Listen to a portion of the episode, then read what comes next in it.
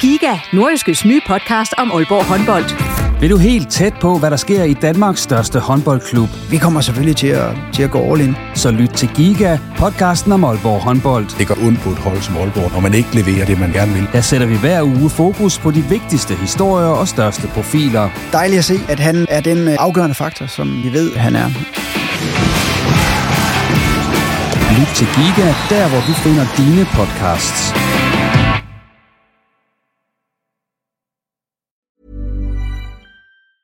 A lot can happen in three years, like a chatbot may be your new best friend. But what won't change? Needing health insurance. United Healthcare Tri Term Medical Plans, underwritten by Golden Rule Insurance Company, offer flexible, budget friendly coverage that lasts nearly three years in some states. Learn more at uh1.com. There's never been a faster or easier way to start your weight loss journey than with PlushCare.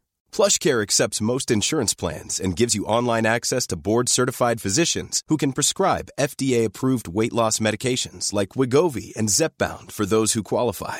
Take charge of your health and speak with a board-certified physician about a weight loss plan that's right for you. Get started today at plushcare.com slash weight loss. That's plushcare.com slash weight loss. plushcare.com slash weight loss. Du lytter til en podcast fra Nordjyske. Hvor meget skal der sælge spillere for i OB til sommer for at få positivt tal i regnskabet? Hvor skal der investeres de kommende år, og hvorfor scorer OB ikke længere på dødbolde? Det og meget mere, blandt andet sandheden om en tyrkisk investor, vil vi forsøge at få svar på denne gang i reposten, hvor vi også skal forbi de tre nordiske hold i første division. Og her er der som sædvanligt nyt fra Jammerbugt FC. Mit navn det er Jens Otto Barsø, og med i studiet denne gang det er Thomas Bælum, der er administrerende direktør hos OB. Der er Christian Flintbjerg, der er cheftræner hos Skive og scout for Borussia Mönchengladbach. Og så Claus Jensen, der er sportsredaktør hos Nordjyske. Og som sædvanligt, så starter vi lige med sådan en øh, runde her ved bordet. Og øh, Thomas, vi kan starte med dig. Øh, her i søndags, der spillede OB jo mod FC København ude på stadion og tabte 0-1. Da du gik hjem derfra, var du så mest øh, irriteret over, at jeg tabte, eller var du faktisk sådan ret godt tilfreds med, at der havde været 10.000 på stadion, og det var forløbet sådan pænt godt uden for banen også? Det var, øh, ej, det var skuffelse og irritation over, at vi ikke fik mere ud af, af kampen. Øhm, jeg havde sådan set før kampen glædet mig til en, en stor oplevelse og mange mennesker på stadion. Og jeg er også rigtig glad for, når alt kører, og, og vi ikke har øh, mange øh, utilfredse øh, mails dagen efter. Det er jeg også glad for. Men, øh, men, men det var sådan lidt, at man tænkte, hold da op den der første halvleg, man sad og, og så den, og tænkte, shit, hvad, øh, hvad skete der lige der? Øh, og så vi, vi står med, med 0 point bagefter. Men det er en kamp, øh, er en hjemmekamp i træk, hvor der er ja, femcifret er det vel så, tilskuertal på øh, Aalborg Portland Park. Det, det luner vel et eller andet sted hos direktøren? Helt sikkert. Øh, men, men altså, vi er også hurtigt videre. Øh, altså, vi vidste jo godt, at øh, det vi så fra, fra sommeren 21, og så den udvikling, der har været på, på fanscenen, at, at vi er et rigtig, rigtig godt sted nu. Øh, og det er vi selvfølgelig også glade for. Øh, men man tænker jo lynhurtigt, hvad, hvad er næste skridt, og hvordan kan vi gøre endnu mere, og, og så videre. Øh, men, men jo, altså, jeg, jeg, jeg nyder det der, når man hører, øh, som ramte lynet før, og ja, man kan da ikke undgå at få lidt, lidt kuldegysninger med så mange folk på, på stadion. Vi skal snakke øh, mere om øh, det regnskab, som I præsenterede her i starten af marts øh, lidt senere. Men vi skal lige videre til Claus Jensen, for Claus Jensen, øh, det er jo, jeg har jo glædet mig simpelthen sådan til, at du skulle være med igen, fordi du har jo simpelthen påtaget dig øh, en chance, som var at se Victory. Film med Stallone og Pelé og hele Mulchausen. Det var den, vi snakkede om her for et par uger siden, da vi, der var anbefalinger og, og så videre til film og bøger og alverdens ting inden for kulturens verden, der omhandlede fodbold. Men Victory var jo ikke på nogen lister. Nej, så det var, dig, det var dig, der bragte den op, sådan set. Var, var det det? Ja. så, Nå, okay. så, så du har sat dagsordenen også der. ja. Øh, men, men, men ja, du, du, og vi skal ikke anmelde den nu, for den nej, kommer senere. Nej, men, nej, men, men var det en fejl, at du ikke havde den med på din liste? Kan vi lige... Nej, det, jeg vil ikke oh. sige, at den nødvendigvis skal med på en top 3, øh, når, når, nu jeg også måtte tage bøger og så videre med på den top 3. Men okay. det, det er en fejl, hvis man bare slår den hen og tænker, at den behøver jeg ikke se igen. Jeg så den for 30 år siden, og så må det være nok. Det er faktisk... Det, og nu, der er nu, faktisk nu, en, nu ude i anmeldelsen. Ja, Ja, nej, nej, jeg siger bare, at man skal ikke bare smide den over højre skulder. Nej, nej. Jeg, umiddelbart var min første tanke, da du, du nævnte den film igen, og så tænkte jeg, ah, men, men øh, der er måske noget at komme efter. Vi glæder os til at høre, sådan, hvad, hvad du har at sige om den. der skal også, og der, der giver vi bolde. Yes. Ligesom vi gør til OB-spillere, så Ja. for skal Victory have 0-6 bolde. Nemlig. Og det skal vi ikke have at vide nu. Nej. Vi skal videre til dig, øh, Christian. Også øh, dejligt, du kom. Jo, til daglig træner i Skive, I jo har et par OB'er nede på, på leje. Og det er Kaketo, og det er Oliver Børsting. den anden børsting, ham der ikke er taget til Norge. Yes. Hvordan går det med dem dernede? Jamen, øh, Robert bidrager rigtig fint. Øh, er PT lidt i en hård konkurrence på midtbanen. Øh, man kommer ind for bænken af. Øh, Børsting har fået for tre uger siden et øh, lille brud i en fodrodsknogle, som heldigvis er, har, har helet godt, og han er begyndt at belaste lidt mere, udover bare at sidde og trampe på en cykel. Så om et par uger, så tænker jeg, at han igen snører fodboldstøvlerne. Og hvordan går det nede i Skive, hvis vi lige skal have en update på det? Jamen, vi har den sidste runde her på lørdag, der, der ligesom Superligaen, inden, inden de kom i gang med det her slutspil, jamen, så står vi foran og skal i et slutspil, og vi er et point efter 6. pladsen, og har et fantastisk scenarie, hvor vi møder dem, der ligger lige bag os, HIK, som har 25, vi har 26, og foran på 6. og 5. pladsen, der ligger AB og Aarhus Fremad. Øh, og, de har, og vi har alle sammen rigtig, rigtig svære opgaver på lørdag. Øh, men der er fire hold, der realistisk set kan komme med på de her to pladser, så det bliver rigtig spændende. Vi krydser fingre for Tak. Skive. Tak. Du lytter til Riposten. Og øh, med det, så skal vi i gang med selve programmet, og det handler jo som sædvanligt om OB, og vi har allerede været lidt ind omkring øh, FCK-kampen. Claus, hvis vi skal starte med dig, hvordan rangerer den i forhold til de seneste OB-præstationer, og det er så under Lars Friis, øh, henholdsvis Brøndby-kampen og OB-kampen? Jamen, der er jo ingen tvivl om, at, at Brøndby-kampen er højdepunktet, men det er jo også fordi, øh, OB vinder den kamp 3-0. Jeg skal så sige, at modstanden FC København er også en, øh, et niveau højere end, end Brøndby, der måske er lidt nede i en bølledal. Det viste de også ved at tabe den efterfølgende kamp til Randers, og, og måske individuelt set ikke er på, i nærheden lige så dygtig, som FCK er. Øh, så man kan sige, at OB taber 1-0, det er selvfølgelig ærgerligt, men øh, det positive ved den kamp er jo, at den første halvleg, hvor man stort set holder FCK nede på, på at kunne sætte et fornuftigt angreb sammen, øh, som så er der, hvor øh, Rooney han sætter halskær af, og så må, må René lave en fodparade, men det det er imponerende, at man kan holde det nede på det. Problemet er selvfølgelig så, at OB ikke får skabt nok øh, muligheder øh, i de mange høje bolderobringer, de faktisk laver i den kamp. Altså, der mangler noget skarphed på den sidste tredjedel, men, men det er klart, øh, at altså, niveaumæssigt tror jeg, at vi kommer tæt på Brøndby-kampen i virkeligheden, bare mod en bedre modstand, og så med lidt mindre skarphed i feltet på OB's egen side, og så ender det med et 0-1 nederlag i stedet for en 3-0 sejr, som det gjorde med Brøndby. Ja, Christian, øh, den her, hvad var det, OB gjorde så godt mod FCK? Som du ser det? Jamen, det, det er, at man tør at gå op højt, gå op og presse den energi, der bliver lagt i tingene. Den harmoni, jeg synes, der er rent taktisk. Man hænger godt sammen i holdet, og alle har, synes jeg, har en, en, en tro lige på, lige på tingene, lige pt. Der gør, at de, de stoler på hinanden og deres, deres sidemand. Øh, og så for anden gang i træk, som I har nævnt, ikke, at der, der er over 10.000 tilskuere bliver båret frem, og kampe mod Brøndby og FCK på Aalborg Stadion, det er bare altid noget specielt. Brøndby har det sindssygt svært op. FCK, som er non plus ultra lige pt. i Danmark, klart, klart det bedste hold. Øh, det er fantastisk, man kan præstere sådan en halvleg, øh, og det, og det ærgerlige er jo, at man ikke kommer der frem med noget, fordi det var i den grad øh, havde været fortjent, at OB havde fået som minimum det ene point i den kamp. Så Claus, hvis du ser på resten af det her mesterskabsspil, som jo er kommet i gang nu, alle har spillet, også øh, Silkeborg og Randers, som jo de hold, der ligger efter OB, og også Brøndby, som ligger lige en placering over, giver det så dig tro på, at, øh, at OB de er det tredje bedste hold i øjeblikket? Ja, det synes jeg egentlig, fordi at øh, hvis man er så tæt på at kunne matche FCK, som man reelt er i den kamp, jamen, øh, og FCK er pt. så meget bedre end alle de andre, jamen så, øh, så må jeg da sige, at, øh, at jeg kan ikke se, hvorfor OB ikke skulle tage den tredje plads.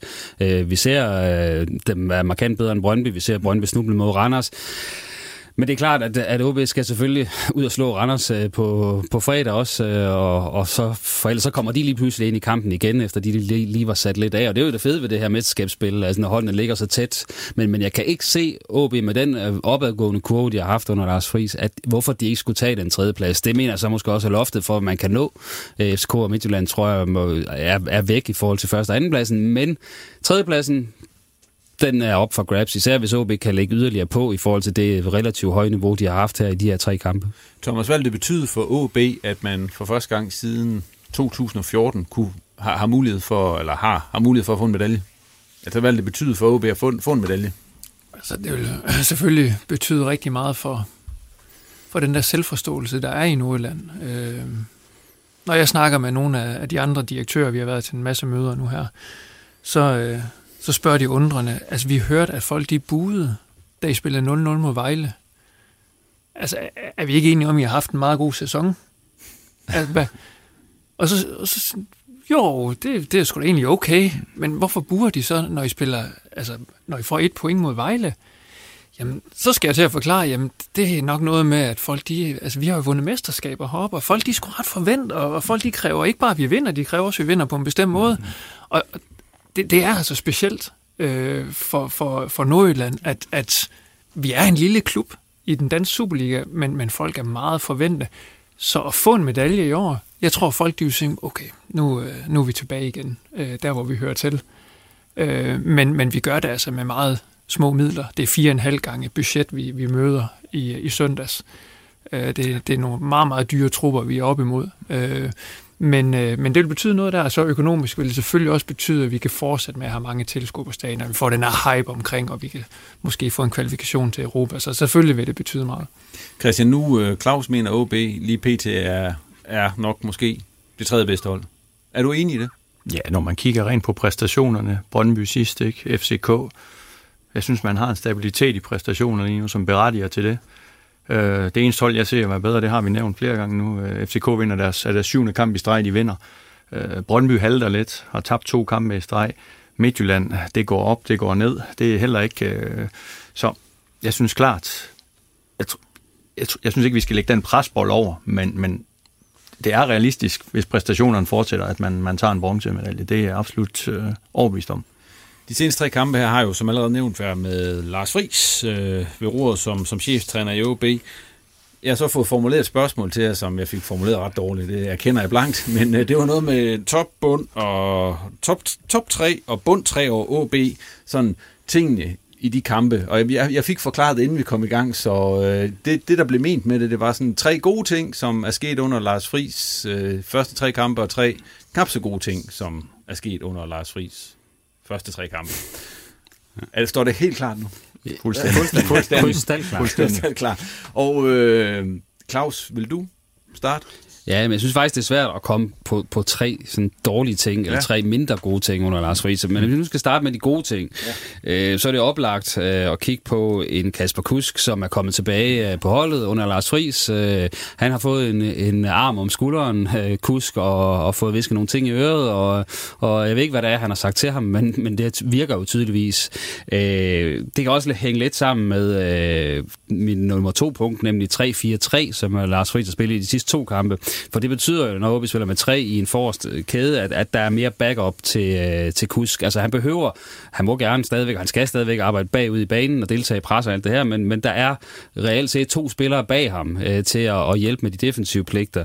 Øh, og det ved vi jo er sådan en, en almand for eksempel, at det, det, det er han mand for, og, og han kommer også til at bidrage offensivt, og det er faktisk almand er faktisk det, det tredje punkt, fordi at, i de sidste to kampe her, der er han jo lignet en, som er blevet genfødt, øh, den gamle almand, hvor han i lang tid derfor lignede en, nærmest i en halv sæson i træk. Der, der, der, der, ja, der, var, der var gammel på den dårlige måde, kan man sige. Ikke? Øhm, ja, så det er nok nogle af de ting, jeg har bidt mærke, hvis jeg skal nævne tre ting.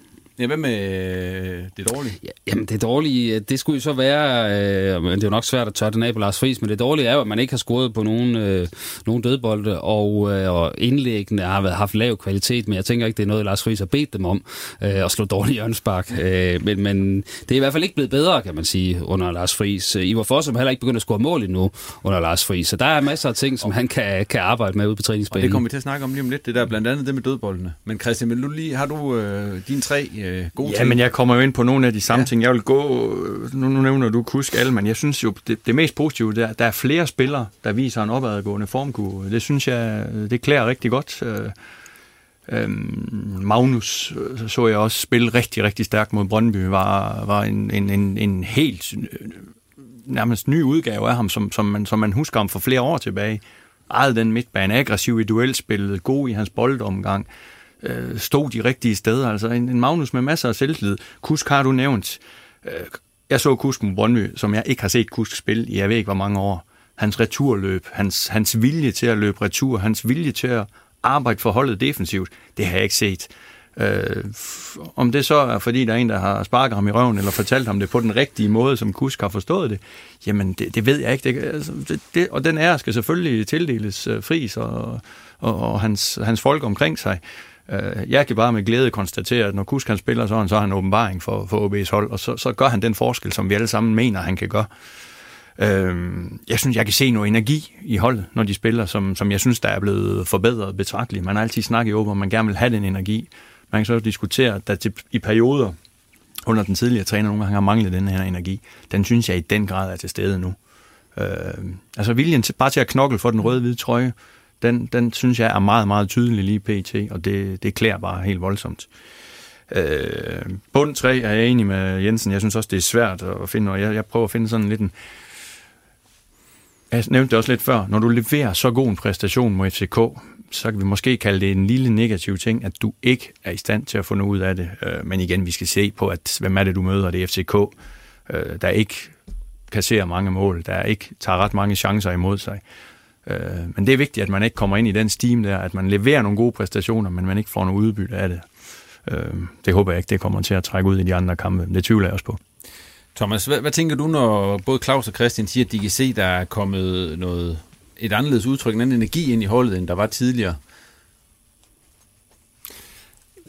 Men man tænker, det burde jo ikke kunne lade sig gøre på tre uger og transformere et hold. Så jeg, jeg prøver at kigge sådan måske lidt mere, hvad, hvad var det for et fundament, som Cifuentes har bygget op? Han har haft rigtig meget fokus på det defensive og på fase 1 offensive spil. Øh, det synes jeg sidder i skabet mod FCK. Altså, vi, vi er trygge med bolden i, i, i træerkæden, og Rene spiller jo fandme bedre teknik end mange af de forsvarsspillere, mig selv inklusive, øh, nogensinde har haft, ikke også? Øh, så, så det er i holdet, og så har han jo så, og det er så for simpelt, altså lige sluppet håndbremsen lidt, ikke også offensivt, og sagt, øh, nu, nu kører vi på. En lille ændring i, i, i formationen har også, sådan at, at, at vores midtbane har lettere ved at komme op og, og støtte, øh, støtte angriberne, og det var det, vi ikke gjorde i anden halvleg der, der blev holdet for langt, når vi så slog de der bolde op, og vi skulle presse, så, så, så kom øh, midtbanen ikke med, sådan som jeg, jeg så det. Øh, men, men han har forløst et eller andet, øh, og, øh, og nogle af spillerne har jo ja, sluppet håndbremsen og, og, og tænker mere fremad, end, end måske lige, lige defensivt. Jeg har også sådan overhørt, at han har givet nogle beskeder til, til spillerne undervejs i træningen, og også både fælles beskeder, men også individuelle beskeder, som hedder, det er okay at, at fejle, kan man sige. Øh, du har licens til at prøve noget og udfordre, øh, og det ved jeg ikke. Det er sagtens, at Sifuentes har sagt det samme. Jeg kan bare konstatere, at, øh, at det har han sagt til spillerne, og det har de da i hvert fald øh, når man kigger på kampen, øh, valgt at tage til sig til en vis grad, især jo altså en kusk. Øh, men jeg synes da også, øh, en prip viser det, og selvom han bliver dækket ekstremt tæt op, synes jeg, altså det, det, det er ikke meget plads, han får. Alligevel så laver han øh, i første halvleg med FCK, tror jeg, tre driblinger øh, på kanten af feltet, i, som nærmest i en telefonboks, og, og lige ved at skabe en chance på det, og så videre. Så, så ja, øh, udfordring, udfordringer, det øh, har vi også set lidt mere af øh, på den offensive del. Øh, nu er det selvfølgelig altid øh, rigtig fedt, når man vinder, og det gør det helt meget nemmere, når man starter i en klub og så videre. Nu prøver han så at tabe i søndag, Lars Friis, men vi sådan ser overordnet på det. Hvordan synes I så indtil videre matchet har været mellem OB og Friis? For det er jo ikke altid, at, øh, at træner og klub sådan lige finder sammen med det samme. Ja, men på den korte bane er det jo ekstremt positivt, det hele. Øh, nu hele den her det her skuespil, der var med at få Lars op øh, til tid, og Viborg, der satte sig lidt på ben. Altså, OB har jo hele tiden, alle har haft en fornemmelse af, at, at Friis rigtig gerne vil det her. Ikke? Ellers så har han ikke opsagt hans aftale nede i Viborg. Og det, det tror jeg bare, at det, øh, det, det udlever han også nu. Han viser det også med hans måde at være på, og at han, han ser det her som en virkelig, virkelig positiv ting for hans karriere. Det er det også. Øh, og det tror jeg, det synes jeg bare skinner, skinner igennem. Og det er vigtigt, at man har en træner i, i Aalborg, der identificerer sig med, øh, med Nordjyllands hold. Fordi det, det betyder noget for os heroppe, og, og det synes jeg, han gør. Øh, han, er, han er energisk. Han, han er selv på den måde, som han gerne vil have, at spilleren de er. Øh, han er sulten, han, øh, han vil gerne opnå mere, og han vil gerne forfine tingene. Har en tydelig filosofi om, hvordan tingene skal være. Øh, så lige pt. er det er alt sammen godt. Og så må man også sige, at det, det bliver bare lidt nemmere, når han kommer ind øh, med nogle nye ting, og, og, og så vinder man de første to kampe. Altså, så, så har man lidt højere grad spillernes opmærksomhed. Får du respekt, og spillerne har tiltro til dig, så enkelt er det. Lige præcis, og hvor det præcis modsatte skete, da Cifuentes kom. Jamen, øh, han starter med at, at tabe en masse kampe, og, mm. og så er det måske sværere for ham at, sådan, at nå ind til spillerne i forhold til, at jamen, hør nu her, vi gør det rigtigt, jamen, hvorfor får vi så ingen point? Mm. Altså, det, det, det, det gør det bare så meget nemmere, at han har fået den start, han har fået. Og jeg tænker ikke, at det, det er noget alvorligt bump på, på vejen, den her FCK-kamp, for der er så mange positive ting med den kamp, de kan sidde og kigge på efterfølgende, som jeg tænker, kan de levere det niveau mod et Randershold, jamen så giver det tre point. Så tror jeg, han har undskyld, jeg, ja, jeg, tror, jeg tror ikke, han har gået ind og ændret så mange ting. Jeg tror, han trods alt også har været træner på et niveau, hvor han, han ved godt, at når du kommer ind, især på det tidspunkt, hvor han kommer ind på, der skal han finde 1, 2, 3 key points, som man siger, at det her det er vigtigt for mig, at vi får det her på plads, ellers så ændrer vi ikke de andre ting. Fordi øh. så bliver det lige pludselig en for stor mundfuld for en trup, hvis du kommer med 7, 8, 9, 10 forskellige ting, der bare lige skal ændres i løbet af kort tid i starten. Men, men ting, vi måske ikke har været inde på, som jeg også synes, han har skruet lidt på, det er i forhold til, til opspillet, for jeg synes ikke, at man spiller med helt så høj risiko og, i opspil. Man har ikke helt så mange afleveringer tilbage til rene, ikke helt så omstændigt. Altså man spiller lidt mere direkte, og en gang imellem, når man virkelig er presset, så er det okay at slå en lang bold, og så jagte den derfra. Som træner vil jeg kalde det at spille afklaret. Mm-hmm. Yes. Så, yes. så der, ja, det er ikke store greb, men der er alligevel en masse små ting, jeg synes, man kan se.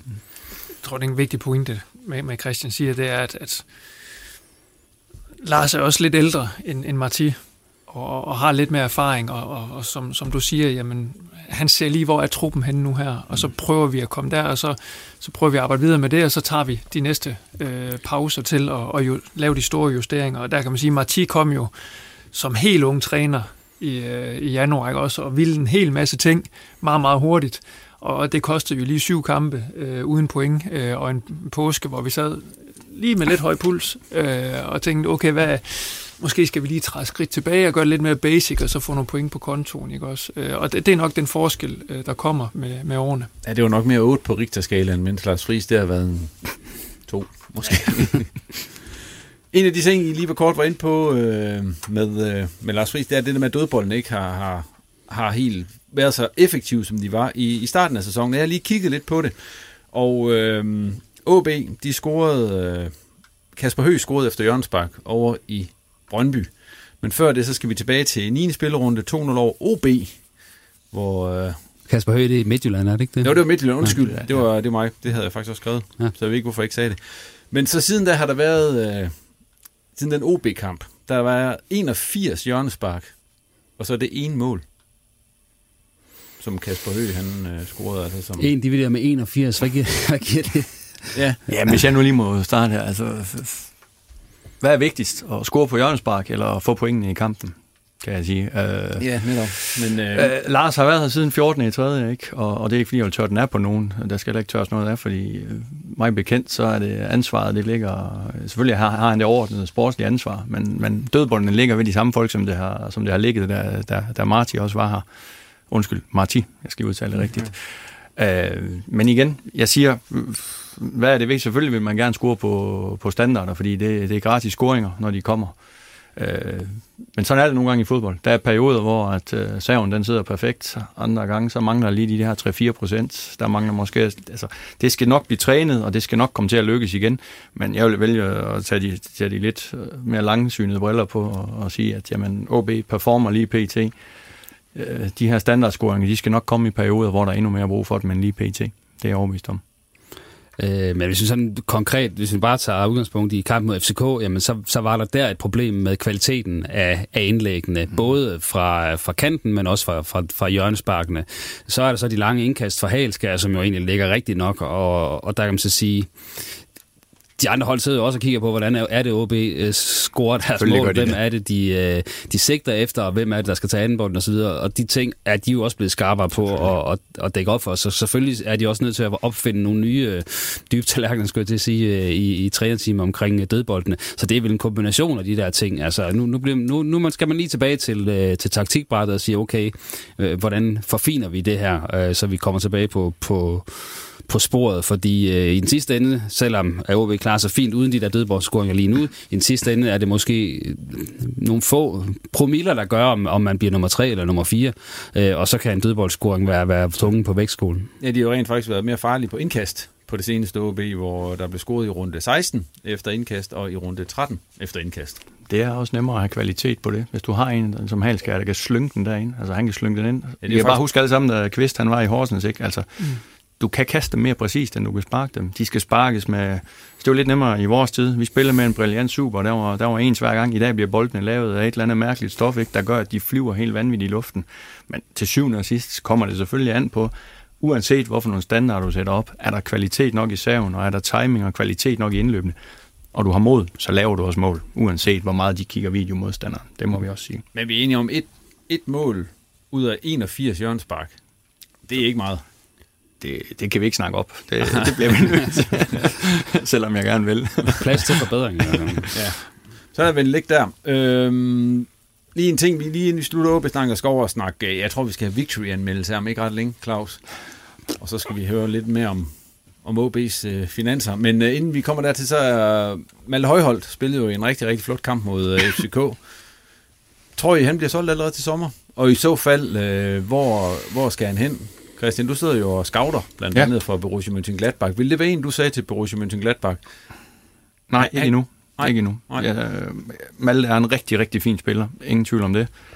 Øh, men han skal, han skal jo blive dominerende herhjemme for, at, at et, et, et, nu kan jeg ikke tælle mig at sige tophold i Bundesliga, men en, en Bundesliga-klub er, er, er den størrelse, som jeg nu arbejder for, begynder at kigge på den. Øh, han har udviklet sig rigtig godt, får lov til at spille. Øh, der er selvfølgelig nogle ting, noget robusthed i nærkampe, noget, noget tempo og noget mere fremadrettighed. Nu er det mig, der taler som scout øh, ja. i hans pasninger, der skal blive bedre. Øh, han er en rigtig, rigtig fin spiller og gør det godt. Han er ung, og han, øh, han er sulten. Øh, men jeg tror, altså, det, er jo, det er jo op til Thomas og dem, om, om de vil sælge ham, og hvor han skal hen. Jamen, det, det, det bestemmer de jo lidt med at prissætte ham. Øh, hvis han skulle afsted nu, så vil jeg foreslå, at der skulle et mellemstep, i hvert fald inden han skulle op og spille i en liga, eller inden han skulle til en liga øh, i, på, på, i top 5, øh, fordi så vil han komme til at sidde og kigge lidt for meget på de andre, der løber og spiller nu. Men et, et salg til en, en hollandsk, en belgisk, øh, italienerne er villige til at hente unge danske spillere nu men, øh, med Frandrup og hvad vi ellers. Men, men det er også et niveau, hvor at man kan sige, det kan godt blive problematisk for Malte. Jeg tror, han vil have rigtig godt af at blive i OB og, og blive endnu mere stabil, og, og, og, og så må man se, om han er dygtig nok til at blive skudt af om et, et års tid måske. Men meget afhænger også af de næste ni kampe, for det er klart, hvis, hvis FCK-kampen, hans første halvleg der er standarden, og han spiller sådan i de næste ni kampe, og så kan billedet måske godt ændre sig, øh, for det er jo stabiliteten, han skal have ind i sit spil. Mm. Og, og så skal han selvfølgelig også, altså så er spørgsmålet også, hvor skal han spille henne? Altså skal han spille 6 eller 8? Altså jeg synes, han skal spille 8, men han gjorde det jo rigtig flot som 6'er.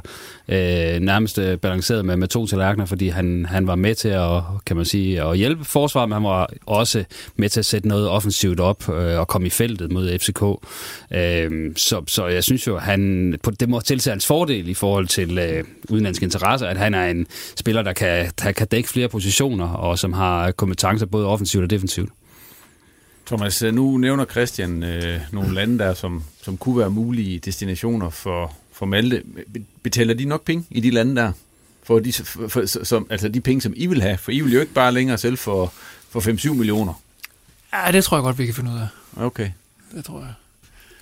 Men altså, det, det er svært at sige. Øh, jeg, jeg synes, Malte er et ekstraordinært talent, øh, og, og bliver bedre og bedre. Øh, om, om, om han kan tage steppet til top 5 liga, det, det er svært at sige. Altså, det, det man sige, du siger de sidste ni kampe, Claus. Øh, jeg, jeg tror, at dem, der betaler den sum penge, som vi gerne vil have for Malte, altså, de, de, de kigger ikke kun på ni kampe. De, de har fulgt ham de sidste par år, og har fuldstændig styr på, hvor han er henne. Øh, men mindre, så, så skal det være sådan en følelsesladet køb på de sidste ni kampe, hvor, hvor det er. Og så tror jeg, det er en top 5 liga, der, der, der kommer. Men, men ellers, er også kendt for at have følelser ude på tøj nogle gange. ja, men trods alt, de, de så avancerede analyseafdelinger, de, de fleste, ikke også? Ja. Øh, så, så de ved godt, hvad de køber, men, men, øh, men, men jeg vil sige, der, øh, der er mange ligaer, der kunne være spændende. Kunne, kunne jeg solgt ham her i vinters egentlig? Der var, øh, der var rygt om noget russisk interesse og så videre. Jamen altså, det, det skal jeg jo sige, det, hvis, hvis vi kunne det, så kommer vi jo med en fondsbørsmeddelelse om, at ja. der er forhandlinger i gang. Øh, det var, det var på agentniveau, at, øh, at snakken var, øh, og, og der var rumsteren omkring, øh, omkring Malte. Øh, men, øh, men jeg kan ikke rigtig komme ind på, hvor, hvor tæt det var. Hvad er din prissæde på ham? Nu kan du bare sætte den højt, Belo. Jamen altså, det er vel, øh, det er vel i Kaufmann-niveauet. Det er så 20 millioner cirka, plus, Plus det løs. plus diverse Ja. ja. klausuler, kontrakter og bonusordninger. 3 millioner euro i min verden. Vel, er det også det, du... øh, Nej, det, jeg regner bare, jeg laver ja, bare hvad, kender du også til priser på spillere og så videre. Hvad, hvad ligger Malte på? Jeg er scouts, jeg er ikke, øh, det er ikke mig, der går i forhandlinger. Jeg Nej. beskriver kun Lad os sige spillerne. 25 er hen over bordet, så skal vi den der der. Første, anden, tredje, Det, 12. det skal jeg ikke kloge mig på, Jens Otto. Så lad være med at, at gøre det. Godt. Yes, øh, men lad det være de sidste ord i OB-snakken for den her gang. Du lytter til Riposten. I hvert fald ind om OB-spil på banen. Og Claus Jensen, Yes, så er det ved at blive tid, og jeg har lige øh, forberedt noget her. Er du klar? yes. In 1942, the Nazis thought they were sitting on top of the world, never suspecting that they could be toppled in one conflict, the most unusual battle of the war. It has been decided that a German national team will play a combined team from the prisoners of war of the occupied territories. That's crazy. Ja, det er så fra traileren til uh, Victory, det her, Claus Jensen. Og uh, skulle lige op for dig. Jeg siger, det er meget sådan VHS-trailer-agtigt. Øh, Det, det bruger man ikke så meget i dag, men dengang så var der sådan en dyb mandlig stemme, der skulle tale ind over alle trailers, for ligesom at forklare budskabet i filmen her. Victory. You've never seen anything like it. Bummelum. så det er til sidst. Og så er vi klar, Claus Jensen. Ja. Du har her til formiddag genset uh, Victory med Sylvester Stallone og Michael Caine. Og Max von Sydow, Max von Sydow, Pelé, Ardiles. de er der alle sammen stort set. Søren Lindsted, den danske legende, eller noget. Ja, Ja, Holbæk var han i hvert fald en legende. Tænker du, du offer dig. Ja, Og nu, og nu skal vi så have svaret på, er Victory stadigvæk, øh, er det Victory fra 1981 med Sylvester Stallone og så videre, som vi nævnte, er den værd at se i dag? Ja, det synes jeg faktisk, den er. Altså, jeg frygtede måske selv lidt, at øh, det her det vil blive sådan et... Øh, ah, lidt, øh, lidt øh, som at se Night Rider eller sådan noget med øh, David Hasselhoff, som jeg, som jeg synes var fantastisk dengang. Det er det ikke i dag, kan jeg afsløre. Jeg har prøvet at se et, et enkelt afsnit på et tidspunkt. Men det her synes jeg faktisk, det var rigtig, rigtig hyggeligt øh, at se... Øh, den her film, fordi øh, altså jeg er nok i tvivl om, hvis man absolut ikke interesserer sig for fodbold overhovedet, så tror jeg måske, man har lidt svært ved at se øh, sådan affektionsværdien i det her. Men, men at se de her fodboldspillere, som jo også inkluderer rigtig, rigtig mange andre øh, Premier League-spillere på det her tidspunkt. Øh, øh, jeg, jeg kunne læse, at øh, der, var sådan øh, Ipswich, det, som var et stort hold der, øh, og var med omkring mesterskabet omkring øh, 80-81. Øh, Bobby Robson havde det som manager. Han havde åbenbart sådan i den sidste samling, inden de gik på sommerferie, sådan kastet et brev ud. Og øvrigt, hvis der er nogen, der vil bruge sommerferien på at være med i en film, så, så, så er der noget her. Øh, det har I lov til, hvis det er. Øh, og så var der blandt andet Russell Osman, som var med på VM's, øh, Englands VM-hold i 82, og John Walk, som var med på Skotlands VM-hold i 82. Det var nogen, der sagde ja til det, øh, og tror bare, de skal løbe i baggrunden og spille fodbold, og så får de et manuskript i hånden. Øh, jeg vil så sige, Søren Lindsted, han, han har en replik i hele filmen, og det er yes. Nå. Der, der vil sige, Russell Osman er faktisk øh, sådan, øh, har længere dialoger med, Ja. med så, så, Tilbage så, til anmelderiet. Ja, ja, ja, men jeg vil bare sige, at hvis man er fodboldnørd, så kan man få øje på rigtig, rigtig mange Ja, det spillere, kunne det. som man kender øh, fra, fra samleværkerne der dengang. Øh, men det er en film, som, som i grov træk handler om de her allierede fanger, som er i en, en fangelejr, hvor de trods alt bliver behandlet fornuftigt, fordi øh, det, det var ikke korsetlejre, det her, det var bare fangelejre, hvor man sådan til, til nød, i hvert fald ifølge filmen, overholdt Genève-konventionerne. De går og hygger sig med at spille fodbold, øh, og så er der Max von Sydow, som en tysk øh, general, som kommer ind, og som så øh, angiveligt har spillet på det tyske landshold en gang i 30'erne. Han ser de her fanger spille, får tanken, udfordrer Michael Caine, som så øh, er, øh, skal forestille at være Premier, det er Premier League, men altså spille for West Ham og være en stjerne der. Så han, ser, genkender han ham. ser ikke så fit ud, synes jeg ikke, Michael Nej, Caine. jeg vil sige, nu var det også 30'erne. Det kan godt være, at man ikke var fit alle sammen Ah, okay. der. Men Ej, de, det han 40'erne, genkender det ham. det? Det er jo 2. verdenskrig. Jo, jo, men de kendte hinanden fra 30'erne. Okay. Det er sådan, det er. Øh, så han foreslår, øh, Max von Sydows karakter foreslår så Michael Caine, at de skal spille den her kamp. Øh, og det bliver så taget op på, på højeste nazi-niveau, hvor man ser det her som perfekt mulighed for øh, selvfølgelig at fikse den her kamp og sørge for, at Nazi-Tyskland vinder den stort. Så den bliver henlagt til Paris. Det bliver jo en kæmpe, kæmpe historie og en kæmpe sådan, øh, kan man sige, propaganda ting for tyskerne. Øh, samtidig er der så, øh, kan man sige, kræfter blandt de allierede i den her lejr, der vil bruge den her kamp til ligesom at sætte en flugt op. Øh, det er Stallone, ikke? Jo, og det er Stallone, øh, som så bliver ligesom nøglefiguren i den her flugt. Øh, og det betyder så også, at man er tvunget til at skal, skal have ham med, fordi han faktisk ender, ender i øh, sådan det, man kalder the cooler, altså hvor han sidder og skal udføre en straf. Så man er tvunget til at brække armen på, øh, på den normale målmand, at man kan få Stallone med som målmand til den her kamp, fordi han er en nøglefigur i den her flugt. Ja. Øhm, og så, har, så, så er der så den her store showdown, hvor øh, Nazi-Tyskland møder de her allierede spillere, øh, hvor der bliver taklet øh, meget troværdigt, vil jeg sige. Altså, det, det flyver om sig med, med knupperne i, i knæhøjde, og, øh, og spillere, der ryger ud med skader og bliver båret ud. Øh, og det er faktisk meget realistisk, vil jeg sige. Øh, der må nødvendigvis være nogen, der er blevet skadet under det her optagelse, tænker jeg. øh, så, så overordnet set en fin, sød historie, masser af fodbold, nostalgi og, øh, og et, et, et stort øh, klimaks til sidst. Øh, så, så ja, den er værd at se igen, øh, hvis man har det her fodbold øh, blik på, på filmen også, for ellers kan man måske argumentere for, at den er sådan lidt, øh, lidt simpel måske, men, øh, men jeg elskede det. Ja, nu tog I også set den, ikke? Det er mange år siden. det er mange år siden. ja. Men det var ren Bogart, det der, Claus. Det var, ja, ja, det var det. Følelsen af og, og, og, så skal man jo, i Bogart, der kan man have det. Ja. Claus Jensen, han giver jo bolde. Han giver bolde, ja. ja. Og på ja. en skala fra 0 til 6 bolde. Ja. Så bliver det tre store bolde. Det vil sige, det er, det er, det er middelmådigt sådan set. Det er godt, uden at være super godt og så får det alligevel en fjerde bold, for det er for fodboldnostalgien. Så, så tre bolde, hvis man skulle se på den isoleret set som en film, for så er den heller ikke mere fantastisk. Manuskriptet er heller ikke mere, mere troværdigt end som sådan, men den her fodboldnostalgi, Pelé øh, og, og Ardiles og alt det her, og, og, og de her fantastiske scener med Bruce, eller hvad hedder Sylvester Stallone som målmand og alt det her, det gør bare, at vi kommer op på fire.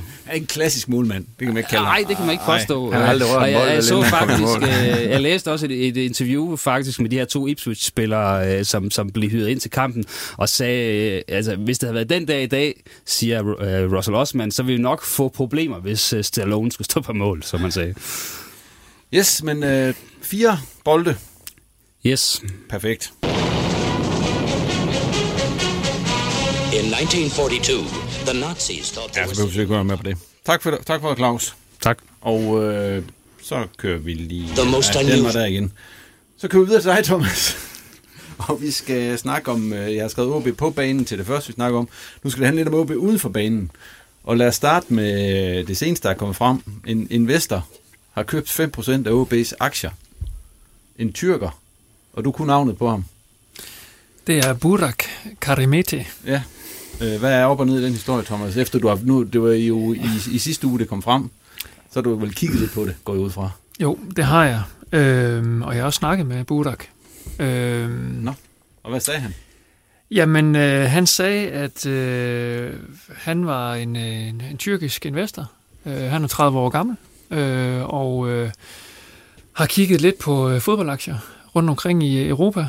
Og øh, der har han kigget på den danske liga, og øh, så har han set en aktie, som han synes øh, var et godt køb. Og så har han sat sig til at købe den, og lige pludselig så... Øh, der er jo ikke, den er jo ikke så likvid, så den er ikke så omsættelig, men lige pludselig var der en, øh, der havde mange aktier, der havde solgt, og så havde han lige pludselig set, jamen øh, så kunne han få 5%. Og det, øh, det han synes var interessant. Og så når man får 5%, så skal man jo så offentliggøre sig selv, give sig til kende. Og så han så skrevet til os, og det var så der igennem, at, at vi fandt ud af, at han, han lige pludselig ejede 5% af, af klubben. Hvad tænker man om sådan noget, når man jamen, sidder? Man tænker hvor alle, jamen det, det er jo så op i tiden at snakke udenlandske ejerskaber, så det er jo også derfor, at, øh, at alle medier lige pludselig var over ham, og alle på Twitter jo har jagtet hans e-mail og skriver til ham, hvad intentionerne er og sådan noget. Så, så der kommer jo meget fokus på det. Øh, men øh, så vidt jeg kan læse mig til, og efter min samtale med ham, jamen så er han en professionel investor, øh, hvor intentionerne det er, at øh, han synes, det er interessant at eje OB-aktien øh, og 5 procent, øh, og ikke mere end det. Øh, og så kunne han synes, det var sjovt at, at få mit nummer og ringe til mig med, og, og give mig nogle gode råd en gang imellem. Men that's it. Øh, sød og meget sympatisk ung mand, Øh, men ja, øh, jeg tror, det er uden fortilfælde i dansk fodbold, øh, at sådan noget her det sker. Så øh, da vi offentliggjorde det 1. april, blev det så, så troede folk jo selvfølgelig, jamen, øh, ja, det er jo Så skulle han hedde Rens Lierpe, ham her. Ja, det er selvfølgelig en a- a- aprilsnak også, men, men, men vi, vi lavede jo en fondsbørsmeddelelse, så, så, så havde vi trukket aprilsnak langt i hvert fald, hvis, hvis, det var, hvis det var det. Men det er, som det ser ud. Øh, en, en, en sød og, og sympatisk ung mand, som, øh, som synes, at øh, den var undervalued, den her OB-aktie. Det var du vel enig med ham i langt hen ad vejen, eller hvad? Ja, altså det er jo, hvad du, hvad du holder det op imod. Ja. Øh, men, men han har jo kigget på den, og så, øh, så har han set alle vores kampe i år. Øh, og så var også enig i, at, øh, at første halvleg mod FCK, der holdt op. Det var jo det var jo virkelig interessant for hans OB-aktie. Og, øh, og, og se sådan et spil der. Øh, var meget inde, kendte de fleste spillere. Øh, og øh, spurgte også, øh, han er stor Fenerbahce-fan, og spurgte om Kasper Høgh, han var i familie med Jes Høgh. Øh, fordi det var hans store forbillede. Det kunne jeg så sige, det var også mit forbillede. Øh, men øh, det var han altså ikke. Nej, så du sover roligt på trods af det her? Det gjorde jeg også før, altså man skal Ja. huske, altså vi er, vi er, vi er offentligt noteret selskab, så vi i princippet øh, alle kan, kan købe aktier, øh, men øh, normalt så, øh, så ser man ikke sådan, at, at en, en lille investor køber 5%. Øh, Nej. Har han planer om at skal til Aalborg også og se en kamp og noget? Eller, eller sagde han noget om det? Jamen, øh, han havde be- haft billet til FCK, men der blev han nødt til at tage til Tyrkiet. Han har købt øh, to billetter til Vesttribunen, øh, så jeg sagde til ham, at næste gang, så kunne vi godt få ham op i vippen, hvis øh, han, han ville det. Okay. Yes, men Thomas, øh, han er jo købt sig ind i en klub, øh, som jo offentliggjort et regnskab her i, i marts, øh, hvor der var et underskud på sådan lige omkring øh, 15 millioner. Øh, hvad, hvad tænker du om det? Altså, hvad irriterer dig mest ved det her regnskab? Og er der noget positivt i det, som du, du har lyst til at fremhæve? Altså, tag det negative først, det er, at altså, vi er jo aldrig tilfreds med at lave et negativt resultat. Øh, et rigtig, rigtig flot resultat i 2020, øh, så det har vi selvfølgelig håbet på, at, at man kunne fortsætte. Øh, når man så er børsnoteret, så skal man jo kigge på, hvad har I meldt ud hele året? Altså, passer udmeldingerne til det regnskab, øh, det resultat, der så kommer? Og det heldigvis, jamen så, øh, så holdt vi, hvad vi lovede, og, og, og ramte inden for det her spænd. Jeg mener, vi har sagt minus 15 til, til 18, øh, og det bliver så minus 15, så et eller andet sted, jamen, så har vi styr på butikken. Øh, vi ved, hvor vi ender hen. Der kommer ikke nogen øh, last minute overraskelser, så det er vi selvfølgelig glade for. Hvis jeg skal trække det positive ud, jamen, så skal man jo dele året op og så sige, at der var et, et første halvdel 2021, der var under øh, covid-restriktioner, hvor vi ikke rigtig kunne komme ud og besøge sponsorerne, vi havde ikke folk på lægterne, og så havde vi et, et, øh, et, et efterår, hvor vi, hvis man kigger på, på tallene, jamen har det samme matchday revenue, altså øh, øh, matchday-indtægter, øh, boder, øh, merchandise, billet, som vi havde i 19. Så øh, andet halvår, jamen det er absolut øh, godkendt. Øh, vi har tryk på de kommercielle ting der, men det har bare ikke den store impact, fordi det kun er et, er et halvt år. Øh, så det, der er noget positivt at, at tage med, øh, og det skal vi selvfølgelig se endnu mere af i 22. En af, en af de store forklaringer på det her minus, det er jo, at der ikke blev solgt spillere, Thomas. Øh, hvor meget, nu har I meldt ud med hensyn til regnskabet i forhold til næste år, der forventer I igen et minus på, jeg tror det var 2 til 5 millioner. Øh, hvor, meget, hvor meget skal der sælges spillere for i det transfervindue, der kommer, for at, for at kunne nå det? Ja, det, det glemte jeg lige at sige før, at, at det var jo mere eller mindre et bevidst valg i, i sommeren, hvor, hvor, hvor, der, hvor der var mange dialoger, og, og vi, vi godt kunne have realiseret nogle spillersalg, hvis vi var tvunget til det. Og der tog vi jo diskussionen med, med, med bestyrelsen og sige, okay, ved du hvad, skal vi ikke prøve at holde sammen på, på, på holdet nu her på stammen, og så se, hvor langt det kunne række. Øh, og det gjorde vi jo så, øh, og, og det er jo nok også... Øh, en af faktorerne, der gør, at, at vi ligger godt i dag, øh, fordi at vi har den der kerne af spillere, øh, som, øh, som har spillet sammen i et par år nu her. Øh, men men vi, øh, vi skal spille, øh, undskyld, vi skal, øh, vi skal sælge mellem øh, 10-15 millioner spillere øh, hver transfervindue, øh, for lige nu, at, øh, at vi, vi lander på et resultat, der, der er i balance. Så det er det, der skal til for os. Og så bliver det minus, selvom I så når 15 millioner, måske. Stadigvæk. Ja, det afhænger lidt af, øh, hvor- hvordan de andre øh, parametre går. Men, men hver transfervindue, øh, cirka de der 10-15 millioner. Så nu er der ikke blevet solgt sådan for alvor i de sidste to transfervinduer. Får du så, altså, hvad bliver der så sagt fra bestyrelsen? Jamen, øh, så skal I helst ligge godt i, i tabellen. så, så det er jo det, altså hvis, hvis man vælger ikke at, at, at, at realisere øh, transferindtægterne, så er det jo for, at, at man går efter nogle flere point. Øh, og når, når vi ligger, hvor vi gør, og, og kan række ud efter medaljer, så, øh, så indtil videre, så, øh, så var det jo nok en god disposition. Øh, det er også en, en, en, en sæson med, med fem Europacup-pladser. Øh, det er også interessant øh, at, at kigge på. Øh, så, øh, så lad os se, hvad det, hvad det kan blive til. Hvor meget betyder den her, nu, nu vi om tidligere, at der har været mange tilskuere på stadion, og der har været, øh, I også solgt mange trøjer mm. og så videre. Man kan i hvert fald ikke få en børnetrøje i øjeblikket, en OB-børnetrøje og så videre. Hvor meget betyder det egentlig i det store hele for jer nu? Er det, fylder den mere den post, altså, fordi du snakkede sidst om tv-indtægter, ja. det, det er jo en meget stor del af, af den der kage. Ja, der og der, der kan du også se, der går vi jo 4 millioner over i forhold til, til året før. Øh, så det er jo også et tegn på, at jamen, vi jagtede pointene frem for transferindtægterne, og det, det har vi jo så gjort, fordi vi har, vi har ligget godt ved, ved runde 11 og 22. Øh, men, men, men nu er matchday-indtægterne, de er jo ved at komme op i et leje, hvor, hvor okay, det, det batter noget. Øh, og øh, og når, når vi rækker ud efter øh, et, et niveau, som, som ikke er set siden øh, dobbeltsæsonen øh, i, i 22, jamen, så, øh, så kan det mærkes. Øh, og det er mange begge små øh, på, øh, på, på spot. Ready to pop the question? The jewelers at BlueNile.com have got sparkle down to a science with beautiful lab-grown diamonds worthy of your most brilliant moments. Their lab grown diamonds are independently graded and guaranteed identical to natural diamonds, and they're ready to ship to your door. Go to Bluenile.com and use promo code LISTEN to get $50 off your purchase of $500 or more. That's code LISTEN at Bluenile.com for $50 off. Bluenile.com code LISTEN. har vi jo fordoblet vores guldplatin og hovedpartner i, i 2021, altså et svært år. Øh, og, og den tendens, den, øh, den fortsætter også. Så, så vi vil også se en sponsoromsætning i 22, øh, der bringer OB op et sted, hvor man aldrig har været før.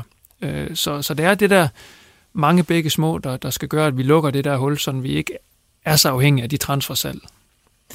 Thomas, øh, der er mange, der hæfter sig ved to tal i regnskabet for, for 2021. Øh, der er noget, der hedder transferindtægter og transferomkostninger. Det er ikke det, der fylder mest i, i budgettet, men der er mange, der har nævnt det, og transferindtægterne, der står der 32 millioner kroner.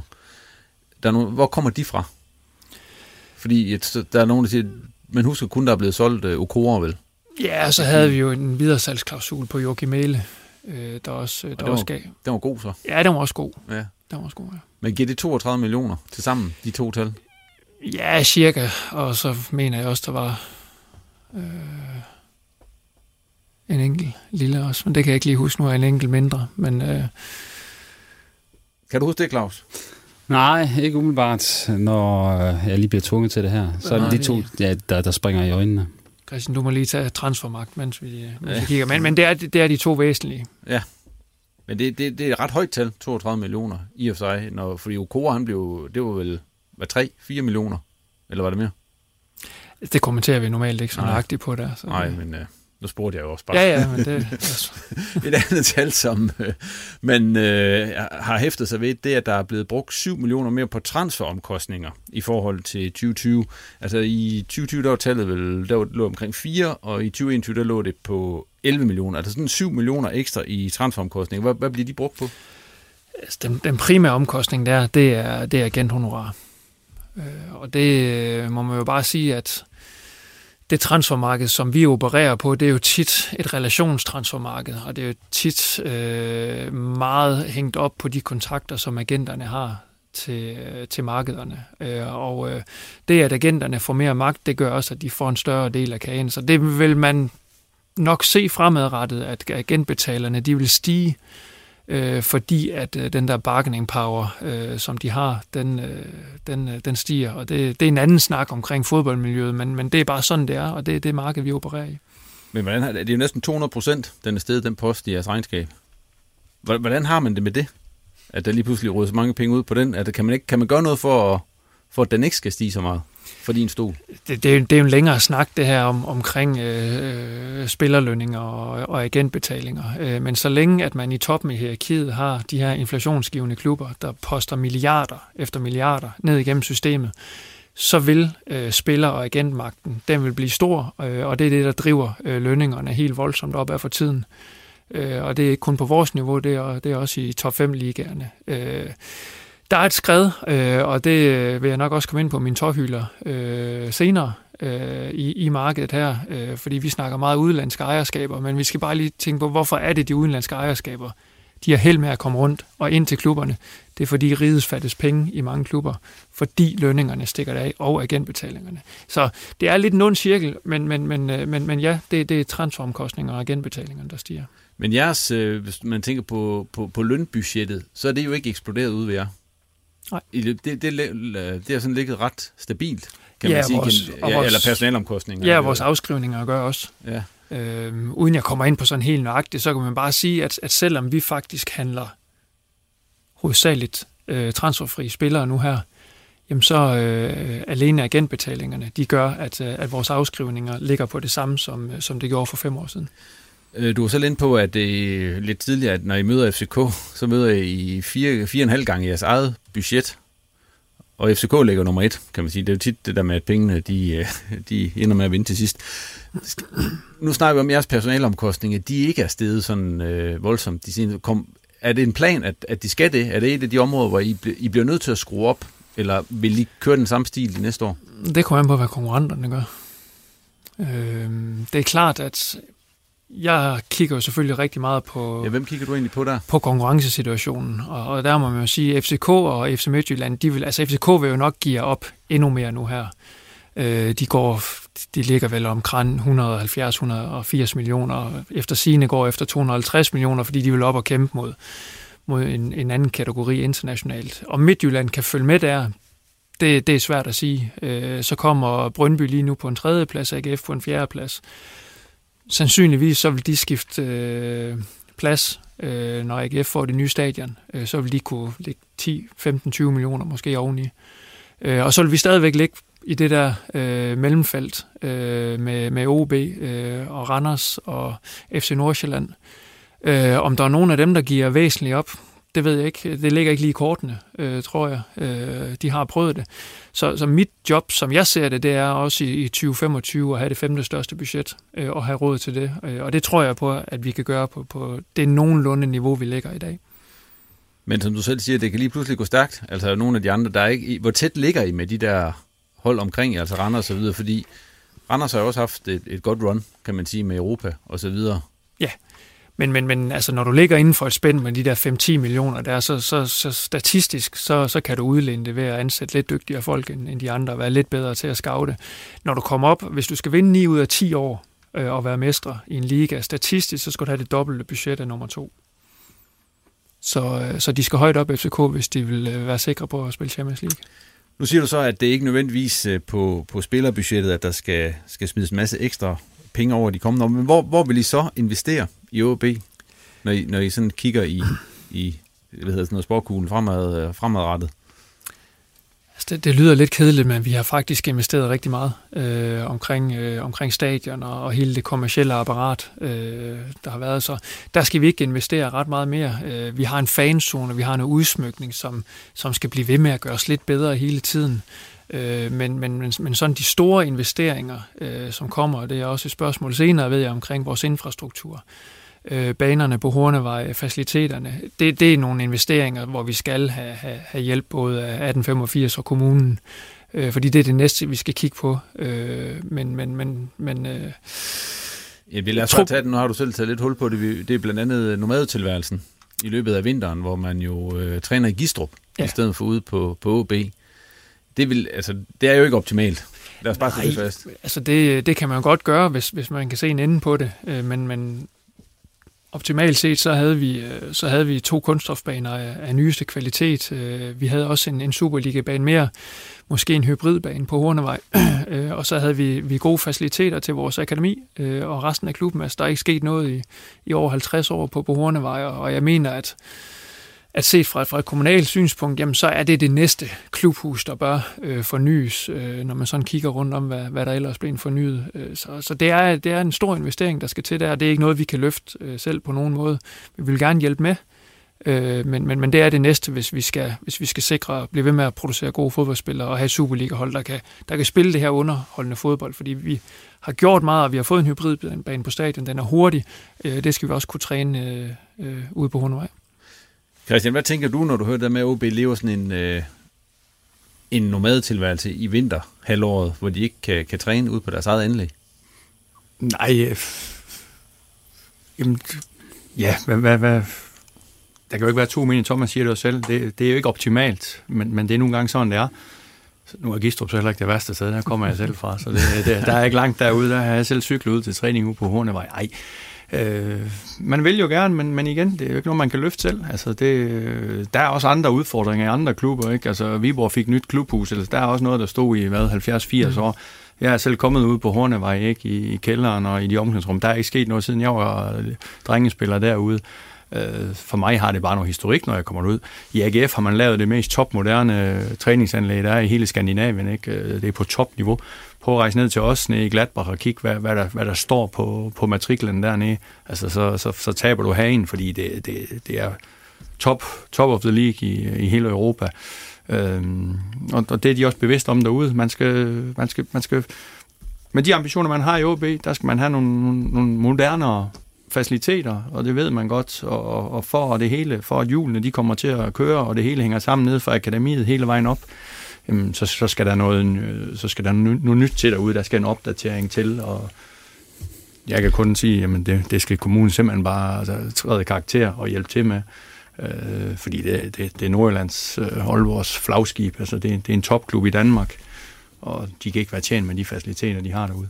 Og lige nu er vi også sådan øh, på balancen der, hvor øhm, altså, man kan mærke på spillerne, når jeg står og ser en træning, at de, altså, de, de banner lidt den aktuelle øh, træningsbane. Nu man godt nok får lov at komme på græs nu, kan man sige, men med kvaliteten af den bane, man så spiller og træner på lige nu øh, foran Børge Bakhuset, altså den er under al kritik. Altså man kan jo se, at øh, bolden hopper og danser, så, så det, det, på, det på ingen måde kan simulere det, man så skal ud og spille, når man så skal spille på en hybridbane øh, på, på Aalborg Portland Park, selvom den heller ikke er i topstand lige nu, så, så opfører bolden sig nogenlunde normalt. Det gør den ikke derude, og, og man kan lidt mærke på spillerne, når den så hopper sjovt og skævt, at, at de banner det lidt langt væk og siger, hvad, hvad, hvorfor, skal vi, hvorfor skal vi blive udsat for det her? Og, og så hører man nok også Aalborg Kommune øh, sammen med en eller anden fænke en gang mellem ryge af spillernes panden.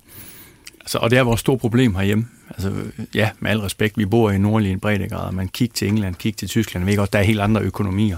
Men der er det samme klima i Hamburg, som der er i Aalborg. Der er ikke den store forskel. Det regner også lidt for mange dage dernede.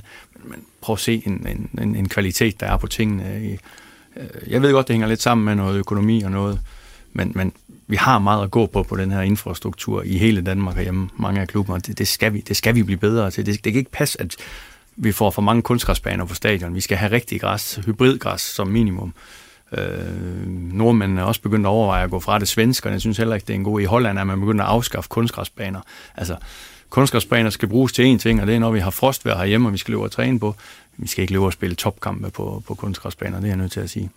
Thomas, en af de ting, der også har, der, der er rigtig meget snak om, det er den her talentudviklingsafdeling. I har fået Jakob Larsen tilbage som øh, talentchef, og I har også fået tilknyttet øh, Lavats og så videre. Øh, hvor meget skal der investeres der? For det er jo et sted, som jeres øh, nærmeste konkurrenter, de øh, investerer voldsomt i øjeblikket, altså FCK, FC Midtjylland og så videre.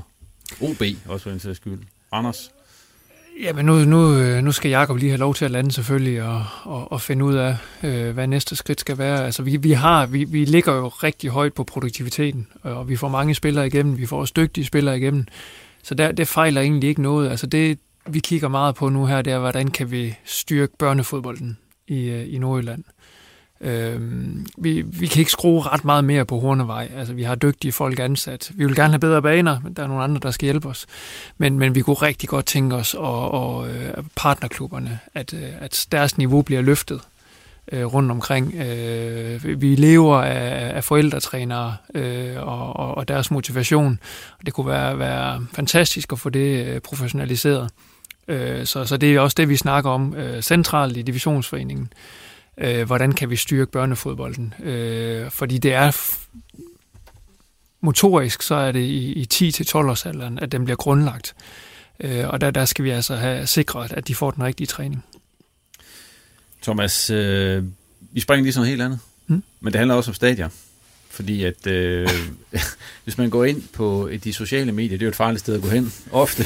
Men der kan man så risikere at læse om, øh, og se billeder af de her mange tomme sponsorsæder, der fortsat er ude til jeres hjemmekamp, selvom der er jo er meldt udsolgt og så videre. Altså det er der mange, der godt kan blive ret irriteret over. Øh, det gør du vel også et eller andet sted? Når du har sådan en, øh, et fyldt stadion, hvor der så er en, en tredjedel af en tribune, der ikke er fyldt op. Ja. Øhm, vi, snak, vi snakker også om det sidste gang. Faktisk. Ja, men nu, nu tog jeg også lige tallene. Ja. Øh, her Silkeborg, Vejle, BIF og FCK, øh, og det går den rigtige vej. Ja. Øh, vi havde en belægning, der var helt nede på 43 procent mod, mod Silkeborg, og det, og det er selvfølgelig øh, alt for lavt. Øh, men, men sluttede med 76 procent øh, mod FCK her, så, så det går den rigtige vej, og der, der er flere ting, der ligger bag de tal der. Der er noget ny måde at trække sine billetter på, som partner lige skal, skal have, og der er også nogen i det kolde vejr, så bliver de indenfor op i skyboxen og i loungen, og så står der, så står der sæder øh, tomme derude, og så syner det bare af, af meget, når man, når man har røde tomme sæder derude. Øh, så der er sådan flere ting, men vi har fuld fokus på det, og, øh, og, og, og lurer mig, om det ikke øh, bliver bedre øh, fra nu af. Øh, fordi vi vil selvfølgelig have, altså når, det, når vi er oppe med 11-12.000 tilskuere, så skal alle tribuner øh, jo være fyldt, og, og, og det, øh, vi monitorerer det, vi har data på det, og, og så... Øh, hen ad vejen, jamen så, så skal vi nok få dem fyldt. Det er også noget med, med konstruktionen i vores, i, i vores øh, partnerskaber, at der måske er nogle af de nationale øh, partnere og internationale partnere, der har haft lidt for mange faste kort, som de ikke får aktiveret. Det tager jo lige nogle, øh, nogle, øh, nogle genforhandlingsvinduer og få, få dem masseret ud af kontrakterne over til, til måske mere nogle lokale partnere, der, der har behov for dem. Så der, og vi har fokus, bare roligt. Der er fokus på det. Thomas, nu, nu, hvis man hørte den snak her sådan fra, så kunne man godt tro, det gik rigtig dårligt. Men det gør det sådan set ikke øh, for OB, bortset fra i har minus. Men der er jo faktisk fremgang i tilskudtallet, som vi snakker om. Der bliver solgt øh, flere sæsonkort, end der nogensinde har gjort før øh, i, i OB. Er der andre forklaringer, end der er rent sportslige? Eller er en kamp på stadion sådan igen kommet i højere kurs som produkt, end den for eksempel var for, for to år siden? Ja, det, det, det synes jeg helt klart. Øhm... Fordi mig og Claus har jo tidligere joket med det. Altså, det var nok nogle gange, der kunne man ikke engang komme af med sine fribilletter. Det var nok, hvis det var, man havde fem. Ja. Altså, så skal jeg spole tiden tilbage til 2018, hvor, ja. øh, hvor, hvor vi fik en Superliga-survey, hvor vi jo bare var nederst i, blandt de 14 hold på samtlige, jeg kan ikke huske det, næsten 50 øh, parametre, som, som er mål på der. Øh, det eneste, vi scorede nummer tre på, det var ventetid ved indgangen øh, og det var bare altså, det, en af de største sviner og mavepuster, vi har fået, hvor vi sagde, okay, lad, lad os lige nulstille, og så starte helt forfra. Og så begyndte vi jo at kigge på den der oplevelsen, totaloplevelsen ved at gå til fodbold. Og, og det er jo ikke bare én ting, det er jo ikke bare en fanzone, det er jo kontrollørernes måde at sige goddag på, det er øh, bodformændene, hvor, hvor, hvor, hvor, hvor kommercielt drevet er de, øh, hvilken udsmykning er det, hvad møder du, er der beachflag, er der Øh, er der nye sæder? Øh, er der, hvad er det for en musik, vi spiller? Hvad er det for nogle kampagner, vi kører? Hvad er det for nogle tematiseringer, vi kører? Altså, det er jo, det er jo hundredvis. Så kommer der et EM, selvfølgelig, som, som gør lige pludselig, at folk de finder ud af, hold da kæft, det der co-creation, vi kan gå på stadion, og så spiller øh, de bedre, jo mere vi råber. Øh, hele genoplukningen øh, i efteråret øh, 21, så er der en masse ting, der lige pludselig falder sammen med de investeringer, som vi har lavet, og så rammer vi den også i røven spillemæssigt øh, hvor, hvor vi ligger i toppen af ligaen øh, hele tiden. Og, og, så, så jo, fans, partnerskaber øh, og fodbold, de tre ting, de, øh, de ruller hurtigt for tiden, og så er det, man ser det her hjul, der, der drejer hurtigere og hurtigere. Claus, vi har også snakket, er den kommet i lidt højere kurs? Er det lidt lettere at komme af med din, din fribilletter til OB? Jamen, altså, det er sjovt, altså, jeg får ikke så mange tilbud. øh, så så det, det kan jeg faktisk ikke svare på, men øh, det er jo nok fordi, at der er nogle andre, der får dem før mig, fordi de hellere vil have dem, eller sådan et eller andet. Du altså, der lå en stak ja. hernede nogle gange. Ja, lige præcis. Ja, så, øh, ja. De lå der hele weekenden. Ja, det er ja, det. Nogle gange. Så, men det er fordi, at øh, nu skal, man, nu skal man selv bede om dem, tænker jeg. Det, det måske være en del af strategien med at undgå de tomme sæder. Øh, ja, altså, der er ikke den samme negative hype omkring øh, altså for, for, for på et tidspunkt, da det gik aller slemmest, øh, jamen, øh, og det var måske under Vikhorst, der, der var det jo sådan lidt, at at man blev lidt øh, hånt eller grint af venner og bekendte, hvis man havde betalt for en billet til stadion, hvis nu sætter det lidt på spidsen. Og der er vi ikke længere. Altså, øh, nu, nu hører jeg lidt folk, som, som normalt øh, nærmest ikke engang kan fortælle, hvem der fører Superligaen, eller, eller øh, ikke har fulgt med i de sidste øh, 20 kampe for OB, pludselig begynde sådan at tale med om, øh, om OB, og nu skal vi på stadion og sådan lidt, og, og prøve, prøve, nogle af dem prøver at foregive, at de har styr på, hvad der foregår i Superligaen, og så har det så ikke lige alligevel, men, men det er jo en start, kan man sige, at man viser noget interesse for det, og, og ligesom er fanget af den her hype, som jeg også har set øh, fodboldlandsholdet være på. Altså, de kan få udsolgt til en venskabskamp mod Serbien. Så er der alt det her Christian Eriksen og sådan noget, der også alle sammen hjælper til det osv., men, men det siger lidt om, hvor meget fortællingen, kan man sige, kan gøre, at man kan få fyldt stadion. Øh, sammen med selvfølgelig gode sportsresultater. EM-slutrunden spiller ind for landsholdet. Jeres øh, top øh, 4 placering spiller også ind hos jer. Ikke? Men, men fortællingen, øh, den er rigtig god. Øh, både for landsholdet og OB lige nu. Øh, og derfor så, så piker det. Og så slutter hvad? Du lytter til den her snak, Thomas, så slipper du for den her gang. Så i den der video op fra Hammerby, for deres øh, lokalopgør. Ja, det er vildt nok. Det, men svenskerne, altså ja, de, de der Stockholm-opgør, det, det skal man virkelig opleve. Mm. Der var jo, der var rigtig mange mennesker. Det kan man håbe lidt på, at OB når derhen på et tidspunkt. var jo en fantastisk case, ja. øh, rent tilskuermæssigt. Øh, efter de fik deres nye stadion, så er det jo ligget omkring 20.000 i snit. Mm.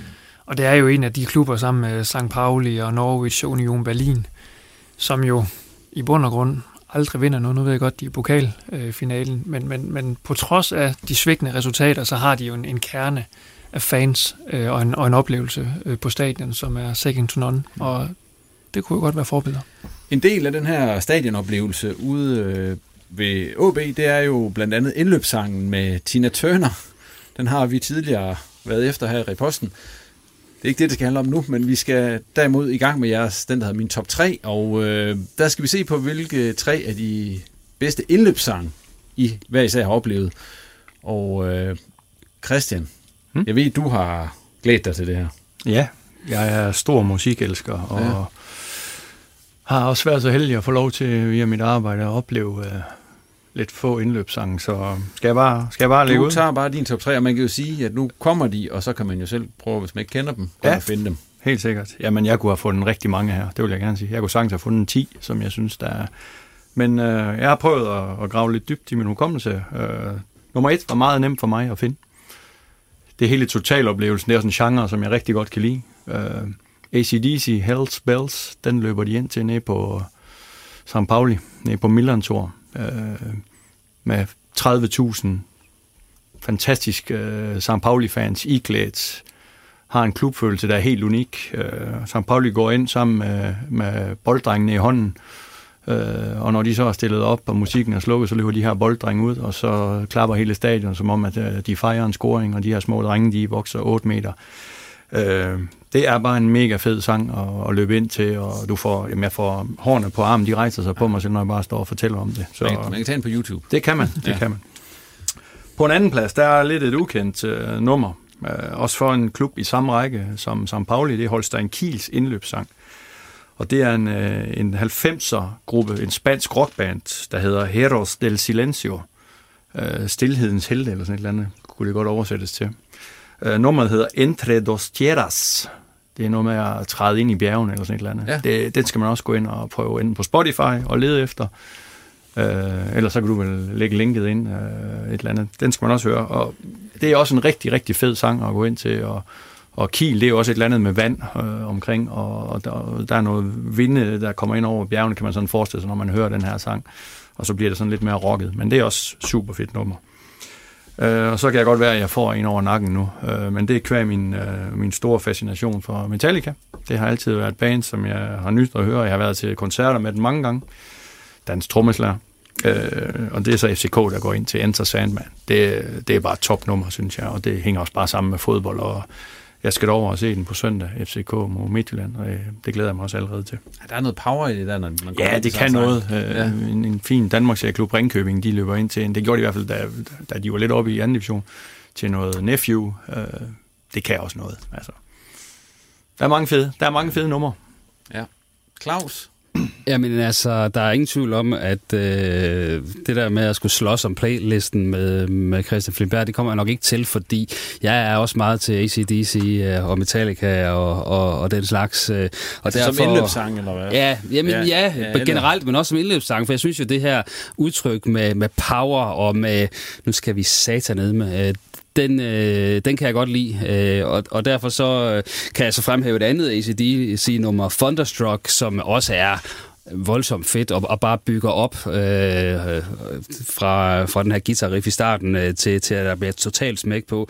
Øh, den har de jo kørt med hos Frederikshavn Whitehawks ishockeyklubben i mange år, øh, ja. og de har også kørt med i Lyngby for eksempel, og de, og de bruger den rigtig mange andre steder. Det, det, øh, det er helt deroppe, hvor Hell Spells også kan være med med, med ACDC. Øh, og så har jeg faktisk også øh, taget øh, Mikkel Kesslers ind, indløbssang, øh, Bokseren, fordi det er også et, øh, et nummer. Det er jo så nummer. et nummer, han har fået skrevet af Volby til ham selv, nemlig A Warrior's Call. Det er også et der er så meget smæk på, at jeg tænker som, som øh, modstander, eller i det her tilfælde, hvis det var et fodboldhold udhold, altså så bliver man sådan lidt bange allerede, da, da det her nummer, det, det brager der ud af. Øhm, og hvis jeg så, så skal tage noget, som ikke er helt så hårdt... Øh, ja, noget, så der har med fodbold at gøre. Ja, ja, så lad os da komme til Hobro, og så tage Coldplay's uh, Viva la Vida, altså lev livet, uh, nyd livet, det, uh, det har jo også noget at gøre med fodbold, kan man sige, og den synes jeg egentlig også, den har siddet i, i skabet i, i Hobro, lige præcis det der nummer, også fordi altså, noget af det tidligere Coldplay kan jeg også godt acceptere og lytte lidt til. Top sang. Claus. Top. Ja, den er også god. Thomas Belum, øh, det er jo snigangreb der, fordi nu kommer mig og Claus, der har en skjult dagsorden, ikke? Med bedst. Nej, det er det ikke. Spøg til side. Thomas, øh, jeg, Jamen, jeg, Christian, jeg, jeg Christian har taget en af dine, ved jeg. Ja, jeg våger ja. skinnet, og så, øh, så har jeg Tina Turner. Du er den bedste. Jamen, det er da ikke poeter. skal han jo tage. Ja, det skal ja, han. Ja, ja, ja. og, og det er fordi, øh, den minder mig jo så meget om, om 99-mesterskabet, som jo er et af de smukkeste mesterskaber i, i, i OB. Øh, en, en svunden tid. Øh, nej, øh, spøg til side. Øh, den er lidt nostalgisk for mig. Jeg synes, den passer godt, fordi den er lidt, øh, den er lidt kitsch. Øh, og, øh, og så er hun jo bare en, øh, en power lady, ikke? Det er jo også meget op i tiden, skal man tænke på, Claus. Jo, jo. Ikke alle de der mandlige øh, bokser der. Mm-hmm. Nej. Øhm, man kan også godt nævne nogle kvindelige uh, heavy rock. det kan vi tage en anden dag. Øh, så, så jeg har, jeg har Tina Turner Simply the Best øh, på et. Øh, så har jeg Hell's Bells øh, på toren, så den er taget. Det vil jeg ikke sætte flere ord på. Øhm, og så har jeg ikke været så meget rundt og, og se så meget fodbold i min karriere. Jeg har spillet øh, på nogle stadions. Øh, der hører man det ikke, eller hvad? Der lægger man ikke rigtig mærke til det. Nej, man står så, så for, for, for, for styr på finmotorikken, inden man skal ud. Det er lige meget, hvad I spiller. Så det er mest for fansenes skyld. Ja, det tror jeg, det er. Ja. Øh, det tror jeg, det er. Øh, men, men altså, der var nogle gode øh, sange i, i Tyskland. Øh, Dortmund og Schalke og sådan nogle steder der. Nu så jeg lige et YouTube-klip fra det, de sang You'll Never Walk Alone øh, på, på Dortmund Stadion. Første gang, de var fyldt, fyldt øh, her. Altså, det, det er jo helt fantastisk. Øh, altså, skal der heller ikke drives mere rovdrift på den sang? Skal det gør det jo alt for mange nej, nej, nej, nej, jeg er helt enig. Altså, det, det vil aldrig virke i, i Aalborg. Altså, det, det, det skal have en kant, ligesom vores, som ramt med lynet. Hvad med dobbelt A? Med nieren? Jamen, øh, nu, har vi jo, øh, nu har vi jo fredagskamp med, med DJ øh, mod Randers, så øh, der er det jo passende, at... Øh, at den måske bliver spillet. Jamen, nu fik du bare lige den. Så. du lytter til Riposten med Jens Otto Barsø. Yes, tak for det. Det var rigtig fint, men øh, og som sagt, så kan man jo lige gå ind, hvis øh, det der Hellspells ned fra Milan Tour, det, det er i hvert fald et, et kig værd, kan man sige, ind på, på YouTube. Absolut. Det kan noget. Nu skal det handle øh, om øh, første division, inden vi når frem til tårhylderne Claus Jensen, og øh, hvad tro, så skal kan vi jo starte med at snakke om Jammerbuk, fordi der er jo nærmest ingen udsendelse, oh. vi laver, hvor der ikke er sket et eller andet deroppe, som man sådan lige tænker, hvad er nu det for noget? Ja. Og det her, det er jo så en, en ting, der er sket før. De har nemlig ikke, øh, angiveligt ikke fået løn. Så Nej, men i modsætning til sidste gang i efteråret, hvor der ikke var nogen, der havde fået løn, så har det så kun øh, de få udvalgte, der har fået løn den her gang. Altså, der har ikke været så mange penge i kassen simpelthen hos øh, ejeren Claus Dieter Møller, og derfor så er der altså kun nogle af spillerne, der har fået løn. Øh, hans egen forklaring, og den har jeg fra, øh, fra lederen af Jetsmark Idrætscenter, som også har penge til gode øh, hos Javnbog FC, og dermed Claus Dieter Møller, for han er klubben. Øh, og, og den forklaring, de har fået, det er, at hans penge er bundet op i, øh, i Nigeria og Mali, og han har svært ved at få dem ud, men at han ligesom forklarer, at jeg er god for dem, og de skal nok komme. Øh, Ja, og det betyder så, at der er en række investorer, øh, eller hvad hedder det, kreditorer lokalt, lige fra, øh, fra den lokale slagter til Jesmark Idrætscenter, til øh, Jørgens Busrejser og alle de her, som, som simpelthen ikke har fået deres penge i et par måneder, og, og ligesom indtil videre bliver spist af med den her, jamen de er på vej, og... Øh, det må man jo så håbe, at de er. Øh, men det er klart, at øh, den her historie skal ikke gentage sig alt for mange gange. Så er der ikke nogen, der gider at levere øh, en, en ydelse til dem. Og spillerne har jo så i dag valgt at sige, at vi, vi træner ikke i dag. Øh, vi skulle have haft to træningspas. Det, det, det gør vi så ikke, fordi øh, vi kan ikke have øh, i solidaritet, at nogen spiller for løn, og andre gør ikke. Øhm, ja, så jeg er meget spændt på, hvad der sker og i løbet af, af de kommende dage. Det er jo sådan, at de har en kamp mod Esbjerg på søndag, og hvis øh, Jesmars Idrætscenter ikke får de her 100.000 kroner, øh, de har til gode, inden da, øh, jamen, øh, så kan de ligesom ikke tilbyde øh, omklædningsrum. Øh, og så de spillere, de udenlandske spillere, der bor på, på, på idrætscenteret, deres værelser, jamen, så, kan de, så er de nødt til at smide dem ud. Altså, som man siger, øh, lederen der øh, af idrætscenteret, vi kunne nok holde til det her, men der er også nogle kan man sige, andre mindre øh, solide øh, lokale kreditorer, som vi i solidaritet ligesom er nødt til ligesom at stille stolen for døren i forhold til, til ejeren. Så det er der, vi er lige nu. Det handler ikke så meget om fodbold, og, og det, der handler om fodbold, handler så også om, at holdet ikke er godt nok til andet end at tabe resten af kampene. Så, så ja, hvor skal det føre hen? Hvornår tror du, det her, det... Øh, altså, jeg kan se, vi skriver, eller øh, Nordiske skriver, at øh, troede er konkurs. Altså, holder ja. det her sæsonen ud? Hvad er din fornemmelse?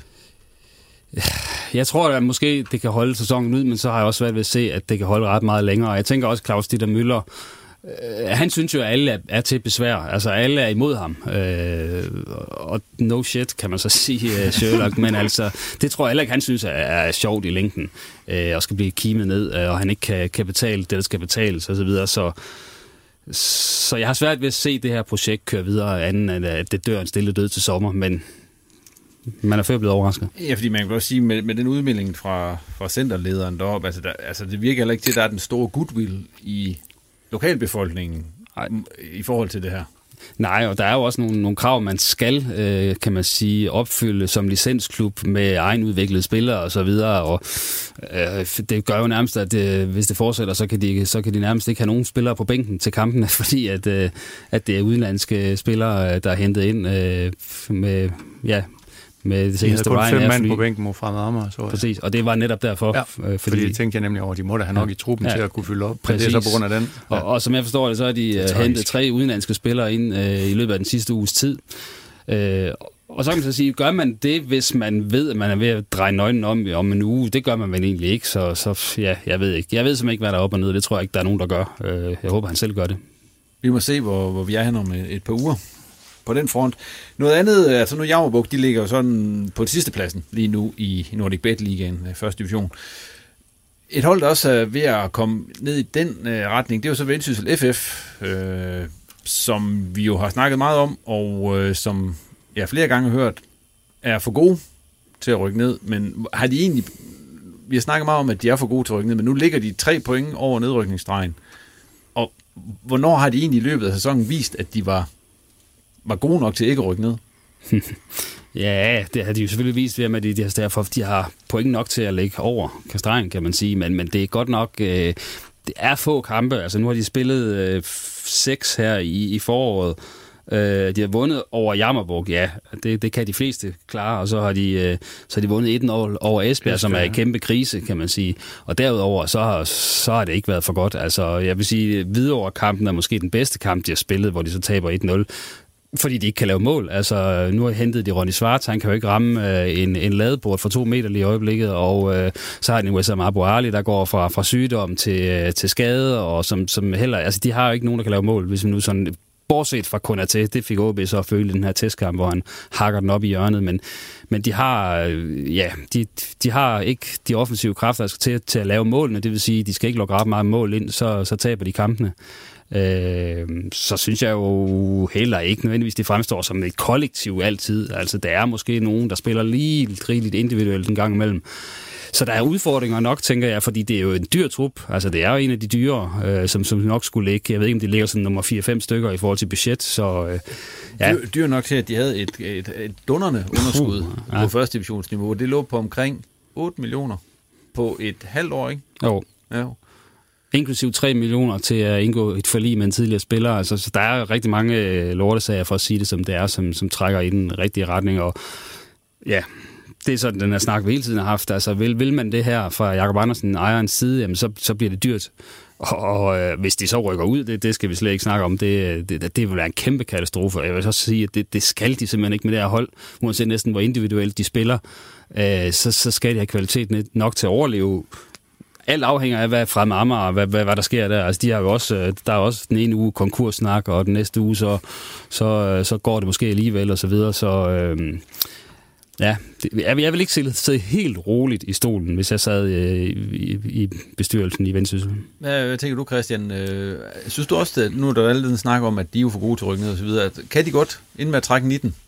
Ja, selvfølgelig kan det. Ja. Der er seks hold, der er i det der nedrykningsspil, og en tredjedel af dem, de skal ud. Altså, sådan er det. Selvfølgelig kan det også ramme Vendsyssel. Jeg sad lige og kiggede igennem. Jeg har ikke set nok til, at sådan kan komme med en... Men, men fakta er, at de en gang i løbet af den her sæson har vundet to kampe i streg, og det er klart, det tyder på, at der ikke er noget stabilitet. Men det er også en voldsom hård række. Der bliver investeret meget, men, men puha, prøv, prøv at kigge de der hold igennem, ikke? Og, og der, der er flere negative om økonomi, øh, negative øh, øh, overskrifter, end, end der er noget sportsligt, ikke? Om i Esbjerg, eller det, det kører heller ikke. Altså, det, puh, det, er, det er en hård række at være en del af. Ja, på mange måder, fordi ja. øh, når man sidder oppe i Superligaen, Thomas, og kigger ned på, på, på den første division, der er i øjeblikket, der, der er godt nok mange dårlige historier i Danmarks næstbedste fodboldrække i øjeblikket. Og det er jo nok også derfor, at når vi melder ud en ny 5% aktionær, at, ja. at alle blikke bliver rettet mod os. Øh, men, men, men ja, det er øh, spændende tid for dansk fodbold. Men nu, I følger jo også fodbold og så videre. Altså, hvad gør det ved første division, det her? Fordi det, nu har vi fra Marmar, som man, ja, de er vist reddet nu. Eller der er kommet nogen nogle penge, eller et eller andet. Så har der været Esbjerg, du nok, med de her udenlandske ejere. Der er Jammerbugt og så videre. Det, altså, alt andet lige, så er det vel skidt for dansk fodbold, at der er så meget kaos og så meget usikkerhed omkring det her. Det, det positive er, at kampene bliver spillet uanset hvad. Om der er problemer uden for banen, ikke også? Det, vi har også været igennem en hård tid, nu nævner jeg det for første gang, men vi, vi har stadigvæk, øh, vi ligger i slipstrømmen af covid-19 stadigvæk, øh, om det er i Bundesligaen, eller det er i Danmark, eller hvor der alle klubber kæmper med, øh, med at der fattes, at rige fattes penge, ikke, som, som, som Balum sagde. Øh, sådan er det også i første division, og alle prøver på at hoppe med på det her i første division, fordi hjulene de kører stærkt, og, og det koster bare at være med.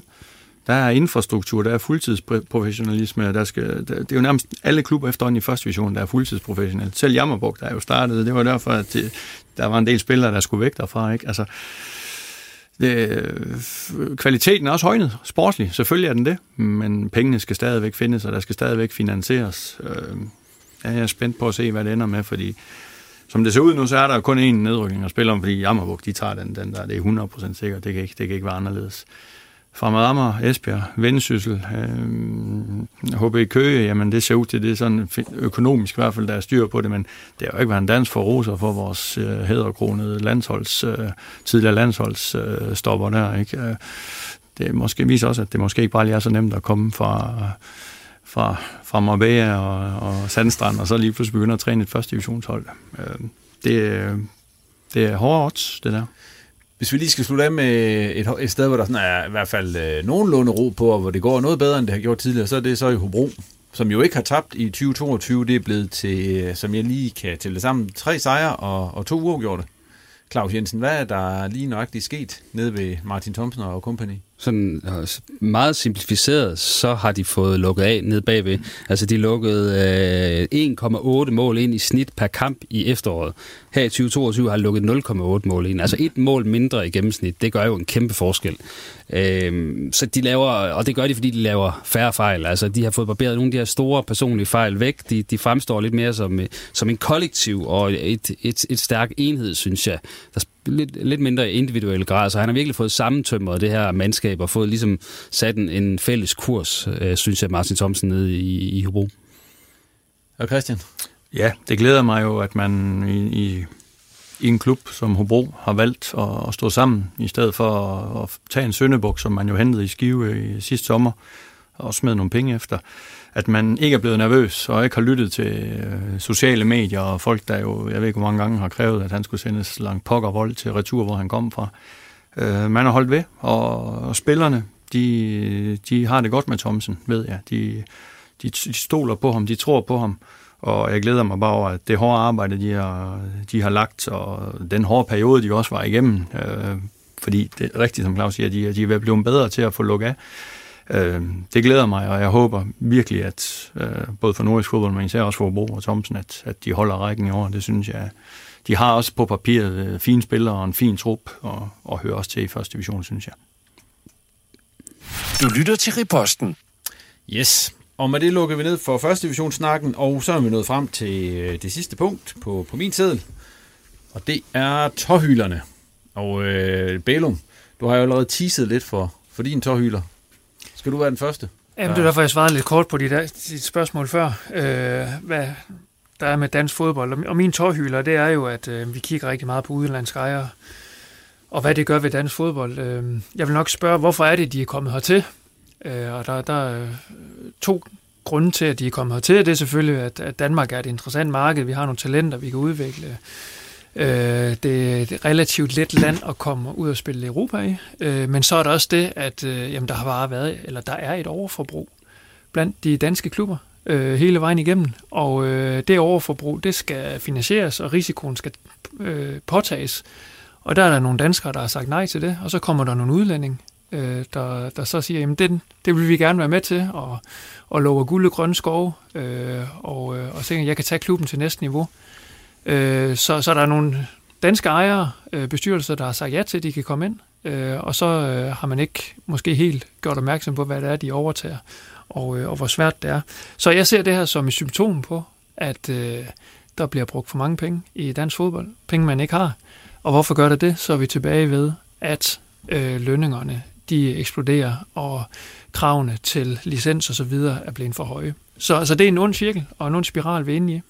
Og øh, det er klubber med over 100 år på banen, der er bygget op af frivillige ildsjæle, øh, der overnight bliver overtaget, og så smuldrer det efter tre måneder. Så det er mange triste historier, vi ser. Og sportsligt, så er der ikke mange, der har succes.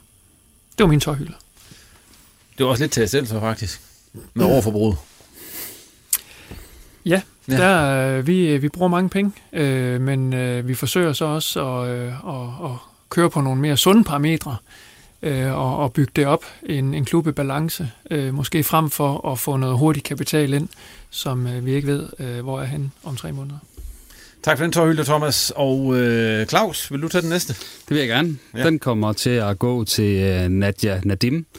Øh, en gang... Øh, en, øh, en ung øh, talent i B52 og øh, en profil, øh, der hun spillede for Tuna Jørgen ude på den store scene, øh, landsholdsstjerne og så videre, og så, så kommer hele den her øh, Katar-sag, som bare er en rigtig lortesag for hende, fordi øh, hun, hun øh, først er dernede øh, og, og ligner en, der lidt er på en... Øh, en øh, promotion-tur for, for styret og for, for slutrunden.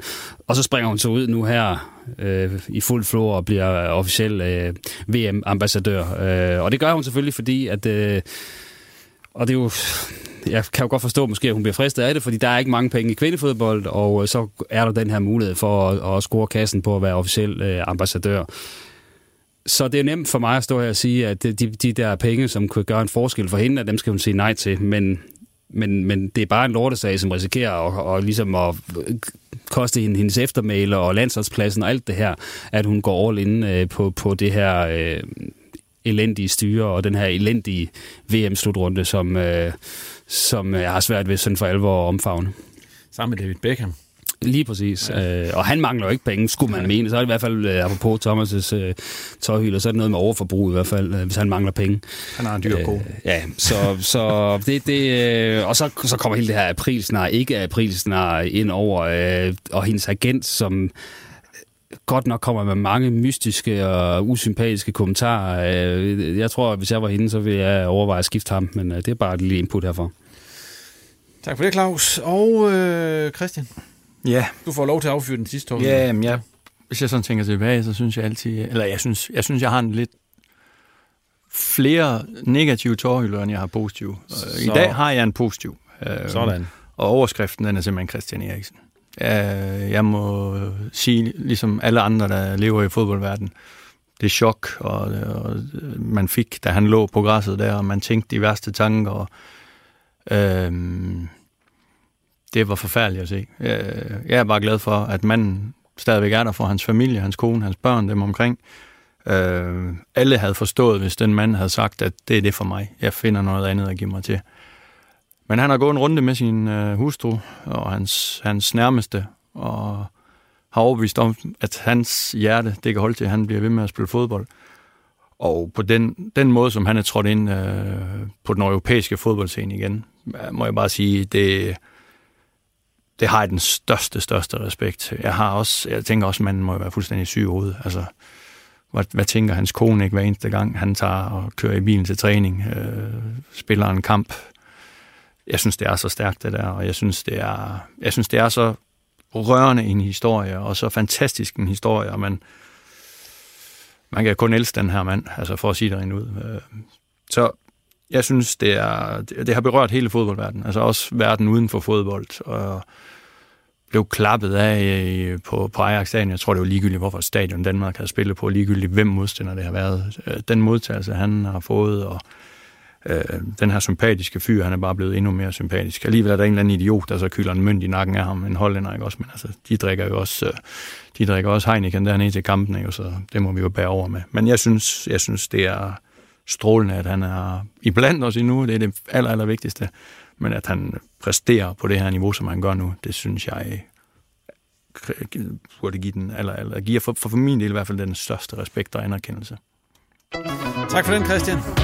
Og med det, der lukker vi ned for denne udgave af Reposten. Tak til gæsterne for, at de kom, og til dig for at lytte med. Og kunne du lide podcasten, så tag lige og abonner på den i din foretrukne podcast-app og på sociale medier. Der kan du også følge os, og det er på både Twitter og Facebook. Reposten er tilbage igen om et par uger. Det er på den anden side af påske. På genhør. Du har lyttet til en podcast fra Nordjyske. Hey, it's Danny Pellegrino from Everything Iconic.